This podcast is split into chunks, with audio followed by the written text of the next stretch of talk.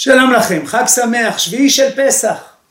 אוטוטו מקפלים את הסירים, מתחילים מימונה, חוזרים אל הסדר יום הטבעי, וההפטרה שנבחרה לשביעי של פסח היא שירת דוד, סוף ספר שמואל ב', פרק כ"ב, שירה ארוכה ויפהפייה.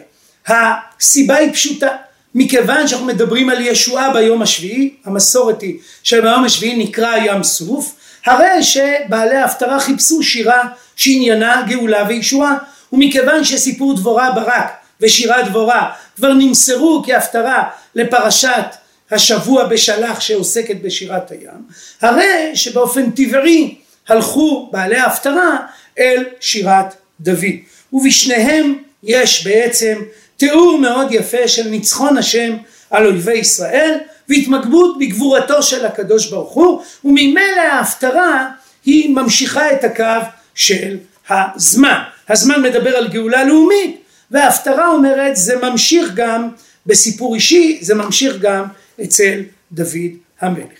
כדי להבין את עומק הדברים ואת הפרשה עצמה, הבה ניכנס לתוכה, אבל לפני זה רגע נקדים הקדמה קצרה. דוד המלך הוא נעים זמירות ישראל, כך מופיע בפרק כ"ג, ממש מיד אחרי ההפטרה, כשמתארים אותו, ובאמת מזמורי תהילים רבים מיוחסים לדוד המלך, ובספר עמוס כשהוא מתאר את המצב הקשה בממלכת הצפון, את העושר, את הנהנתנות, אז הוא מתאר אנשים שרוכים על ארסותם, אוכלים קרים מצאן ועגלים מתוך ברבק, הפורטים על פי הנבל, כדוד חשבו להם כלי שיר.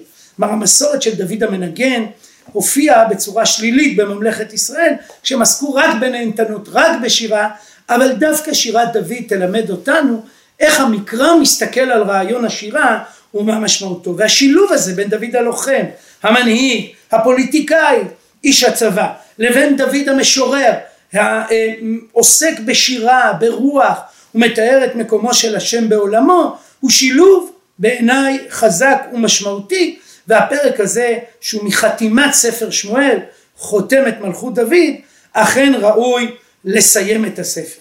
בעצם השירה היא מבט רטרוספקטיבי על חייו. וידבר דוד לאדוני דברי השירה הזאת, ביום הציל אדוני אותו מכף כל אויביו ומכף שאול. כלומר התמונה היא בעצם תמונה של מבט רטרוספקטיבי, סיכום חיים שדוד בעצם המזמור הזה לכאורה לפי הכותרת לא יכול היה להיאמר אלא עד שדוד ניצח את כל אויביו, הציל אותו מכף כל אויביו, אבל מה שיפה זה שדוד זוכר גם את שאול, כלומר עברו כבר 30-40 שנה ודוד רוצה להגיד תודה גם על הצלתו מפני שאול שהייתה כנראה אירוע טראומטי, הוא דרמטי, הוא כמעט נהרג שם כמה פעמים, אזכיר עם זריקת החנית והמערה, כלומר דוד מרגיש צורך להודות לקדוש ברוך הוא על כל ההצלות שלהם זכה ובמיוחד על ההצלה מפני שאול. המזמור הזה מופיע גם בתהילים, תהילים י"ח ואברבנאל מנה כי שבעים, אה, מעל שבעים הבדלים בין הנוסח המופיע בספר שמואל שנבחר להפטרה לבין הנוסח שנבחר שנמצא בתהילים. לאברבנאל יש עמדה מיוחדת והטענה שלו היא שדוד כתב את השירה בשמואל וכשהוא החליט להכניס אותה לספר תהילים אז הוא תיקן נוסח, תיקן כמה דברים במזמור, אה, אה, טענה מעניינת בתוך העולם המסורתי בהחלט פותחת אפיקים חדשים ובאמת יש הבדלים לא נוכל לעסוק בהם בין בשיעור הקצר שלנו בפודקאסט הקצר שלנו על השירה עצמה אנחנו נתמקד בהפטרה עצמה אבל צריך לדעת שיש הבדלים רבים מסגנונות שונים אין הסבר אחד שיסביר את כל ההבדלים וצריך לעיין ממש פסוק מול פסוק ולראות לראות את הדברים. כשאני מעיין בפרק שלנו בשירת דוד ניתן לחלק אותה לכמה חלקים ואז החוקרים דנים בשאלה לכמה חלקים. אני אלך בהצעה שאני חושב שהיא הצעה מרכזית ונחלק את שירת דוד לחמישה חלקים. הפתיחה היא הגדרת השירה. הודיה להשם. ויאמר אדוני סלעי ומצודתי אלוהים הוא המגונן עליי הוא השומר עליי ומפלטי לי אלוהי צורי צור זה סלע אחסה בו מגיני וקרן אישי משגבי ומנוסי מושיעי מחמס תושיעני. המשורר דוד מתאר פה את הקדוש ברוך הוא כמי שהגן עליו מעולה לקרא אדוני מאויבי יבשר והוא מדבר פה על להלל מדבר פה על לספר, כלומר המשורר אומר אני הולך לספר לכם על ישועותיו של הקדוש ברוך הוא, שלהם אני זכיתי אה, מכל אויביי ומשאול המלך, ואז הוא נכנס אל החלק השני שממש מתאר את ההצלה לאורך כחמישה עשר פסוקים, הוא מתאר כך יעפפוני משברי מוות, נחלה בליעל יבעטוני, והתיאורים הם תיאורים מאוד כלליים, מאוד שיריים, לאו דווקא מתארים את דוד עצמו, הם לא מחויבים למציאות קונקרטית, הם מדברים על שפה ולכן מי שמכיר את עמדתי לגבי ספר תהילים, ספר תהילים בעצם הוא לא ספר, הוא קובץ, קובץ של שירים, והשירים האלה הושרו פעמים רבות על ידי אנשים שונים, ולכן דווקא הניסוח הכללי הופך את המזמור למזמור משמעותי, כי הוא לא קונקרטי מדי. קידמוני מוקשי מוות, בצר לי אקרא אדוני ואל אלוהי אקרא וישמע מהיכל קולי ושבתי באוזניו ויתגעש ותירץ הארץ ואז אלוקים מופיע וכשאלוקים מופיע תמיד יש תיאופוניה יש תמיד גילוי אלוהים מרעיש עולמות מוסדות הארץ ירגזו ירגזו פה זה ירעדו. המילה לרגוז במקרא כמו שאומר אה, הרבה פעמים ערים ירגזון זה תיאור של רעידת אדמה. ויתגעשו כי חרה לו עלה עשן באפו ואש בפיו תאכל גחלים, גחלים באו ממנו ויית שמיים וירד. התיאור של אלוקים יורד מן השמיים לסייע וערפל תחת רגליו וירכב על כרוב ויעוף וירא על כנפי רוח. בתהילים כתוב שהוא דועה וידע על כנפי רוח. והשת חושך סביבותיו והמתח הזה או הסתירה הזו בין אור לבין חושך שהיא כל כך קורית בתיאורי הקדוש ברוך הוא למשל יחזקאל פרק א' והשת חושך סביבותיו סוכות חשרת מים עבה שחקים מנוגה נגדו בערוג החלש יראה מן שמיים אדוני ועליון עיתון קולו. אני עוד אתייחס לפסוק הזה אלוהים, אלוהים מראים מן השמיים על האויבים ועליון ייתן קולו וישלח חיצים ויפיצם ברק ויעם ויראו אפיקי ים יגלו מוסדות תבל בגערת פנאי נשמת רוח אפו זה תיאור של גאולה פנטסטית שהקדוש ברוך הוא יסייע לדוד מפני, מפני אויביו. זה אולי התיאור הראשון המרכיב המרכזי הראשון שמופיע פה ומיד אחריו בא החלק השלישי שהוא חלק יותר פילוסופי תיאולוגי חוכמתי הוא מתאר בעצם את העובדה שיש צדק בעולם, שאלוהים מושיע את צדיקיו. ומפסוק כ"א יגמלני אדוני כצדקתי. כבור ידיי ישיב לי. בור משון בורית, סבון, ניקיון. כי שמרתי דרכי אדוני ולא רשעתי מאלוהי. הסיבה לגאולה היא שמירת הקשר עם הקדוש ברוך הוא, שמירת מצוותיו, כי כל משפטיו לנגדי וחוקותיו לא אסור ממנה ויתמים לו ושתמרה מעווני זה, זה פרק חוכמתי. החלק הזה כשאני אומר חוכמתי אני לא מתכוון אינטליגנטי, אני מתכוון לומר ספרות החוכמה, כמו ספר משלי, כמו מזמורים בתהילים, אשרי האיש אשר שככה לו אשרי אדם וכולי, או אשרי שווה ביתך עוד יעלוך סלע, המזמורים האלה שעוסקים בסדר שבעולם, בצדק שבעולם, שבונים פרדיגמה של צדיק, טוב לו, רשע, רע לו. יבוא ספר איוב יתווכח עם זה, אבל זה לא ענייננו. אם חסיד תתחסד, הקדוש ברוך הוא, אם יש מישהו חסיד, אתה מתחסד איתו. אם גיבור תמים תיתמם, אם נבר תדבר. ההקבלה או הצימוד המצלולי הזה הוא לא רק מטבע לשון, הוא לא רק מצלול, הוא אמירה של מידה כנגד מידה. אם מישהו חסיד, אז צריך להתחסד איתו. אם מישהו גיבור, אז המילה גיבור לא מספיקה טוב, אז הוסיפו את המילה תמים, ואז אפשר לומר תיטמע. כדי ליצור את הפועל או את הזהות בין התואר לבין הפועל, הוסיפו את המילה תמים. אם נבר תתבר, אם עיקש תתאפל, ואם עמני תושיע ועיניך על רמים תשפיל. כי אתה נרי אדוני, ואדוני יגיע חשקי, אתה אלוהים אה, מגיע משון אור את החושך שלי, אתה מציל אותי, כי בך ערוץ גדוד ולא ידלג שור, נאמנות גדולה וקשר גדול, והאל תמים דרכו, יש צדק, אמרת אדוני צירופה, מגנו לכל החוסים בו. והחלק השני הוא חלק חוכמתי תיאולוגי שעוסק בגמול שלפיו הקדוש ברוך הוא מנהל את העולם. החלק הבא, החלק בעצם הרביעי, חוזר אל עניין הניצחונות. אבל הפעם הוא לא מדבר רק על ישועה מפני אויבים, הפעם הוא הרבה יותר דרמטי. הוא מדבר על ניצחון ושליטה על האויבים. כך מפסוק ל"ד אומר הכתוב משבר רגליו כאלות ועל במותיי עמידני מלמד ידיי למלחמה וניחת קשת תחושה זרועותיי כלומר אני הופך להיות לוחם הופך להיות בעל עוצמה אם המזמור מתקרא לפי נקרא לפי הכותרת הרי שאני עוסק פה כבר בדוד היוצא אל המלחמה הנערך מול אויביו מלמד ידיי למלחמה הניחת קשת נחושה זרותיי ותיתן לי מגן אישך וענותך תרבני. וחוקרי מקרא כך למשל מי שאין בעולם התנ"ך יראה טוענים שיש מבנה קודקודי לשירה שביטויים שהופיעו בחלק הראשון סליחה השני יופיעו בחלק הרביעי וביטויים שמופיעים בחלק הראשון יופיעו בחלק החמישי וביטויים שמופיעים במרכז יהפכו להיות מרכז השירה כלומר הטענה שלי נראית קצת ארוכה מדי, מפולפלת מדי, אבל יש בה משהו מן האמת, טוענת שהמבנה של השירה הוא מבנה מתמרכז, מבנה שהמרכז שבו הוא החלק השלישי, והנה החלק הרביעי חוזר אל החלק השני, הוא מתאר ניצחונות במלחמה, ולא מעדו קרסו לה, הרדפה אויבי ואשמידיהם, ולא אשוב עד כלותם, ואכלם הם חצם לא יקומון, ויפלו תחת רגלי, זה תיאור של גבורה שעולה מאוד. את שמואל ב' פרק ח', את שמואל ב' פרק י' ואפילו גם את סוף פרק י"ב, כלומר תיאורי הניצחונות של דוד על האויבים מסביב, לפי המקרא דוד ניצח אויבים רבים, ארם ומואב ועוד מקומות רבים בכל המרחב, אדום, כל המרחב של המזרח הקדום, והנה השירה מחזקת את הקו הזה. ותעזרני חי למלחמה, תכריע קמי תחתני ואויבי תתה לי עורף, משנאי ועצמיתן, ישעו ואין מושיע, אל אדוני ולא ענם.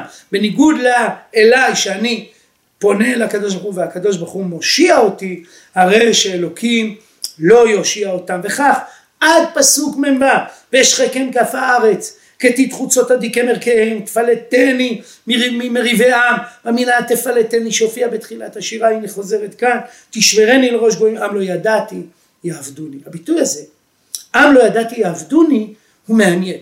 משום שהפירוש המילולי שלו זה אפילו עמים שאני לא מכיר יעבדו אותי. אבל הביטוי הזה, עם לא ידעתי, מופיע בספרות הנבואה כביטוי של סכנה.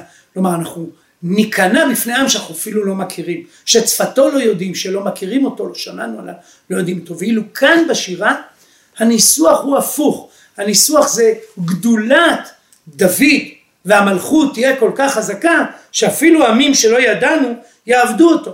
בני נכר יתכחשו לי לשמוע אוזן ישמעו לי. אני אציע פירוש בני נכר שבדרך כלל מתכחשים שעל פי רוב מתנגדים לי הם לשמוע אוזן ישמעו לי. הם יהפכו להיות מחויבים לי בני נכר יבולו ויחגרו מסגרותם והנה סוף השירה כמו פתיחת השירה חוזרים אל הניסוח הזה המהלל את השם כאדוני וברוך צורי והמילה צורי הופיעה בתחילת השירה, היא הופיעה במילים אלוהי צורי יחסה בו, והחתימה ממשיכה וירום אלוהי צור אישי וצור, שוב אני חוזר לפתיחה, אבל גם המילה אישי שהופיעה בתחילת השירה. אלוהי צורי יחסה בו, מגיני וקרן אישי, מושיעי מחמאס תושיעני, השורש להושיע שנמצא בפתיחה, הנה הוא חוזר גם בסיום, והאל הנותן נקמות לי מוריד עמים תחתני מוציאים אויביים כמה יתרו ממני מי איש חמסים תצילני המילה חמאס שהופיע בתחילת השירה כתיאור ישועת השם שהוא אומר בעצם מושיעי מחמאס תושיעני עכשיו הוא שוב חוזר על הרעיון מי איש חמיסים תצילני? על כן עודך אדוני בגויים.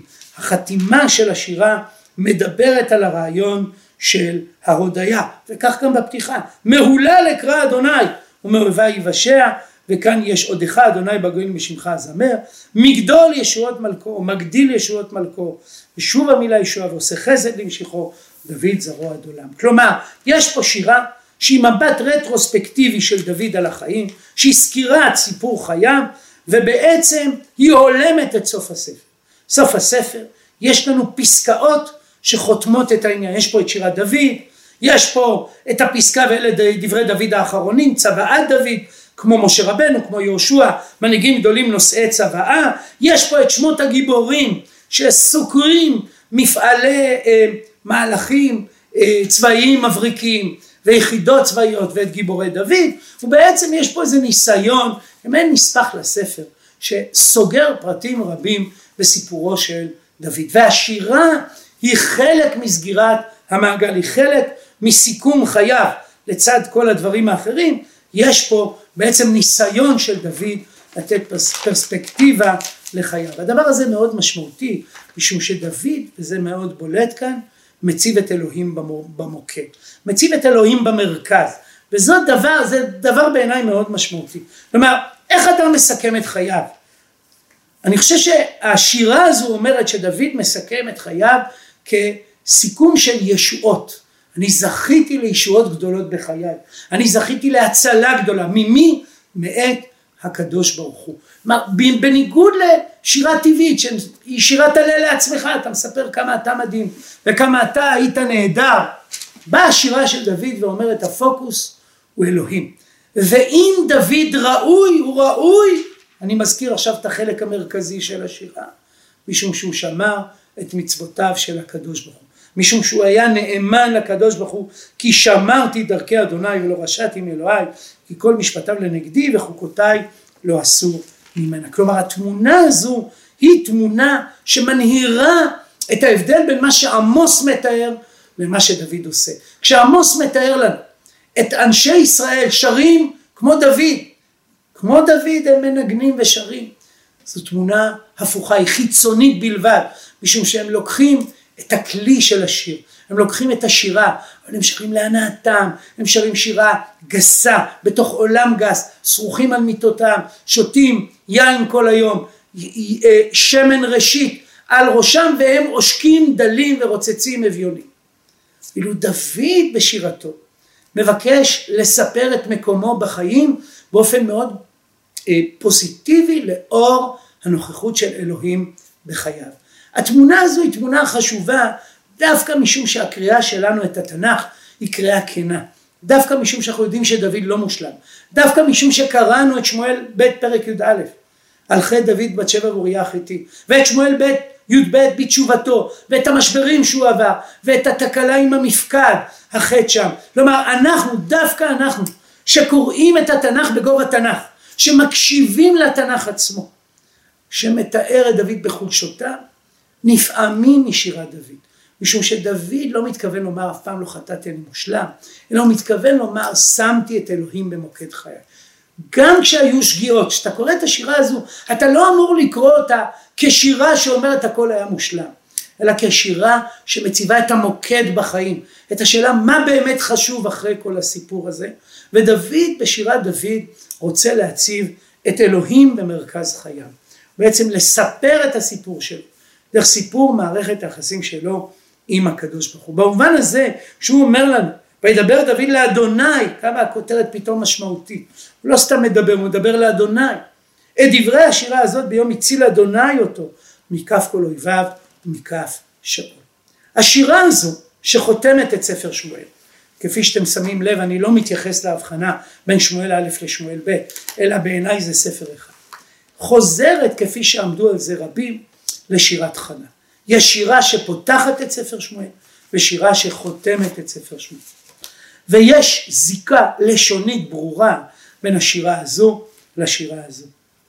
גם שירת חנה מדברת על ישועה והיא אומרת אם קדוש כי שמחתי בישועתך והיא אומרת אם קדוש קנה כביתך אם צור כאלוהינו הדימוי הזה של צור שהופיע בשירת דוד חוזר גם כאן וזה ממשיך כשהיא מתארת כי על דעות אדוני והיא ממשיכה ומתארת ניצחונות קשת גיבורים חטאים נחשלים עזרו חי והקשת הופיעה גם כאן. אבל זה ממשיך בצורה יותר חדה לא רק בתיאור הניצחון על הגיבורים אלא בסיום של השירה שמדבר על בשמיים יראם יש את הרעם הזה שהזכרתי שקראנו את שירת דוד אדוני ידין אפסי הארץ וייתן עוז למלכו וירם קרן משיחו הסיומת הזו, ייתן עוז למלכו והיום קרן משיחו, מחזירה אותי לסוף שירת דוד, מגדול ישועות מלכו ועושה חסד למשיחו, דוד הוא זרוע עד עולם.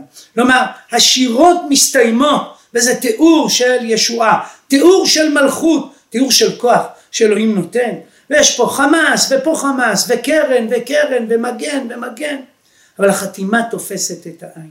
בעוד שחנה שרה את השירה, שירה עלומה, היא לא מדברת על מישהו ספציפי, היא לא מכירה את דוד שעדיין לא בא לעולם, והרי שאול יהיה לפניו. היא מדברת באופן כללי, ייתן עוז למלכו והענקל משיחו. ואילו שירת דוד אומרת, דוד הוא הוא. הוא מה שחנה דיברה, הוא מה שחנה חלמה או ניבאה, הוא מגדול ישועות מלכו ועושה חסד למשיחו, דוד זרוע עד עולם.